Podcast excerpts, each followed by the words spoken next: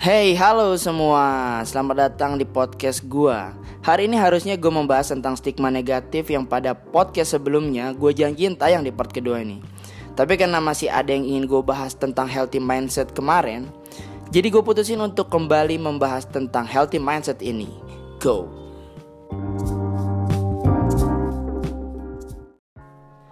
Nah, healthy mindset ini bisa dibangun bagi siapa aja yang punya mental pemenang. I want to be a winner, at least winner in myself. Karena apa pun masalahnya, musuh terbesar kita yaitu diri kita sendiri. Dengan lo memelihara sampah dalam otak lo, yang terjadi pada tubuh lo itu juga akan menghasilkan sampah. Makanya gue bilang virus ini sebenarnya lebih menyerang ke mentality lo. Untuk orang-orang yang memang belum punya penyakit apa-apa sebelumnya ya. Faktanya, penyakit itu 90% berasal dari pikiran. 10%-nya lagi dari pola makan yang kita makan sehari-hari. Gak percaya, ini dokter yang bilang. Lihat aja orang gila, makan apa pun fisiknya tetap sehat karena pikirannya itu selalu happy. Bagi dia sih mungkin begitu ya. Ya enggak sih?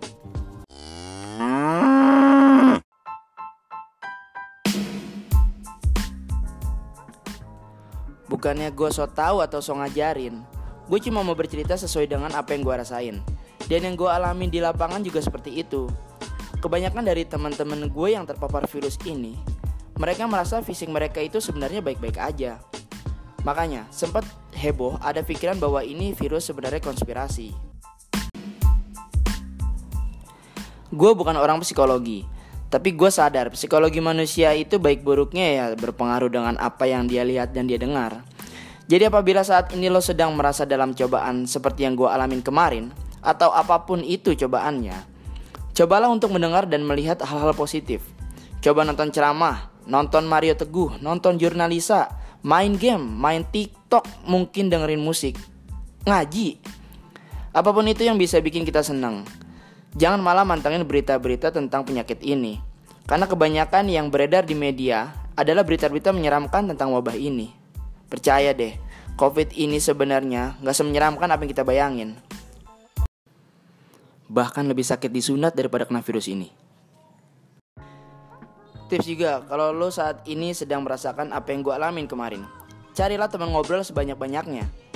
Walaupun penyakit ini memaksa kita buat isolasi dan membuat kita ngerasa sendiri, tapi jangan sampai itu ngebatasin kita buat sosialisasi sama orang. Pakai HP lo, video call teman-teman lo yang lo anggap bisa bikin lo bahagia. Telepon keluarga lo, pacar lo, mantan lo, gebetan, gebetan lo yang belum jadi udah putus. Di saat seperti ini juga bisa membuat kita melihat mana orang-orang yang care sama kita dan mana yang enggak. Karena di saat kita terpuruk di situlah kita akan melihat siapa aja orang-orang yang peduli sama kita. Itulah yang gue lakuin kemarin. Gue video call grup sama teman-teman gue sambil menertawakan barang atas apa yang gue alamin waktu itu. Karena kalau kita udah bisa menertawakan musibah kita sendiri, ya artinya lo udah bisa menerima musibah itu.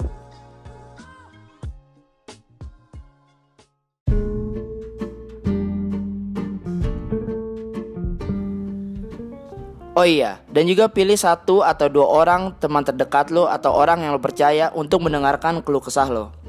Karena sebenarnya lo itu perlu keluarin itu semua buat ngerasa lebih lega. Gue pun ngelakuin itu.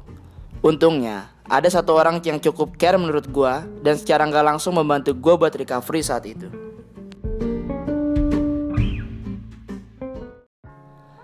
Jangan pernah merasa lo itu udah tamat karena virus ini. Karena ini adalah musibah, bukan azab. Ingat, Tuhan gak akan ngasih cobaan ke hambanya di luar kemampuan hambanya itu sendiri. Jadi jangan pernah mikir macam-macam juga atas musibah ini. Apalagi sampai ngerasa gak adil sama nasib lo. Itu sama aja kita meragukan jalan yang dikasih Tuhan sama kita.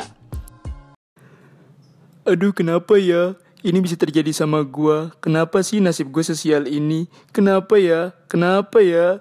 Lah, chills out aja, bawa relax, terima dengan lapang dada, belajar ikhlas. Jadikan semua ini pelajaran. Jadi someday ketika nanti kita menghadapi beat terus lagi, kita udah punya bekal buat recovery nanti. Jujur, bahkan gue pernah berpikir bangga atas apa yang terjadi sama gue kemarin. Gue menjadi korban hidup dan selamat dalam salah satu peristiwa bersejarah umat manusia. At least mungkin kisah ini bisa gue ceritain ke anak cucu gue nanti.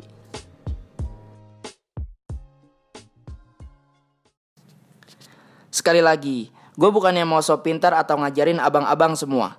Gue cuma mau sharing pengalaman dan pelajaran hidup yang pernah gue alamin. Kali aja bisa berguna bagi yang ingin menggunakannya.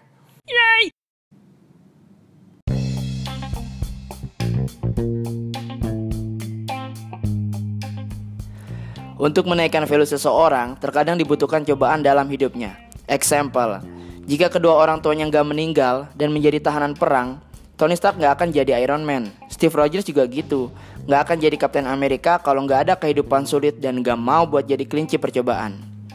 Ya itu sih fiksi, tapi percaya deh, this will come true when you believe in yourself. Badai pasti berlalu. See you in the next podcast. Ciao.